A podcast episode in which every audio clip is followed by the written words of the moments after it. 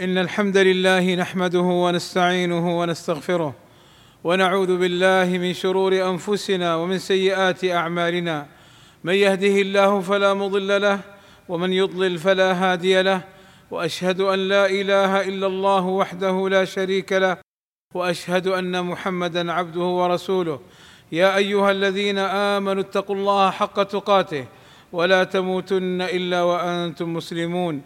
إن أصدق الكلام كلام الله وخير الهدى هدى محمد صلى الله عليه وسلم وشر الأمور محدثاتها وكل محدثة بدعة وكل بدعة ضلالة وكل ضلالة في النار. أما بعد فبعض الناس يعلق قلادة أو خيطا أو حديدة ويعتقد أنها تدفع عنه العين والأذى ولا بد من معرفة حكم هذه الأشياء التي تعلق على الجسد. أو الأولاد أو المنزل أو السيارة لدفع الآفات عنه من أي شيء كان. ورسولنا صلى الله عليه وسلم نهى عن تعليق التمائم لدفع العين من وتر وغيره. قال أبو بشير الأنصاري رضي الله عنه كنت مع رسول الله صلى الله عليه وسلم في بعض أسفاره. قال فأرسل رسول الله صلى الله عليه وسلم رسولا لا تبقين في رقبة بعير قلادة من وتر أو قلادة إلا قطعت. فهذه من عادة أهل الجاهلية. يفعلون ذلك دفعا للعين والضرر. فأمروا بقطعها لأن الأوتار لا ترد من أمر الله شيئا. وذلك لأن التمائم شرك. قال صلى الله عليه وسلم إن الرقى والتمائم والتولة شرك. وقد تبرأ النبي صلى الله عليه وسلم ممن تقلد وترا. قال صلى الله عليه وسلم من تقلد وترا فإن محمدا صلى الله عليه وسلم بريء منه. ولا يجوز وضع المصحف في السيارة أو في متاع البيت أو في خزينة المال لمجرد دفع الحسد أو الحفظ أو غيرهما من جلب نفع أو دفع ضر. فهذا لا يجوز لمخالفته لهدي النبي صلى الله عليه وسلم ولما فيه من تعريض القرآن للامتهان. وبعض الناس يضع التمائم لعلاج المريض. قال الشيخ الفوزان حفظه الله تعالى لا يجوز إذا أصاب المريض مرض أن يذهب إلى شخص ويطلب منه عمل حجاب يعلق على المريض. فهذا لا يجوز لأنه إن كانت من غير القرآن بأن كانت بأدعية شركية أو فيها أسماء شياطين أو جن أو فيها أشياء مجهولة المعنى ولا تعرف فهذه هي التمائم الشركية التي لا تجوز بإجماع أهل العلم. وأما إذا كانت هذه الحجب مكتوبة من القرآن فإنه لا يجوز تعليقها على الصحيح من قولي العلماء لأن ذلك وسيلة إلى الشرك ولأنه لم يرد دليل بجواز مثل ذلك وإنما ورد الدليل بالرقية وهي القراءة على المصاب. انتهى. أسأل الله أن يوفقني وإياكم لما يحبه ويرضاه وأن يغفر لنا الذنوب والآثام.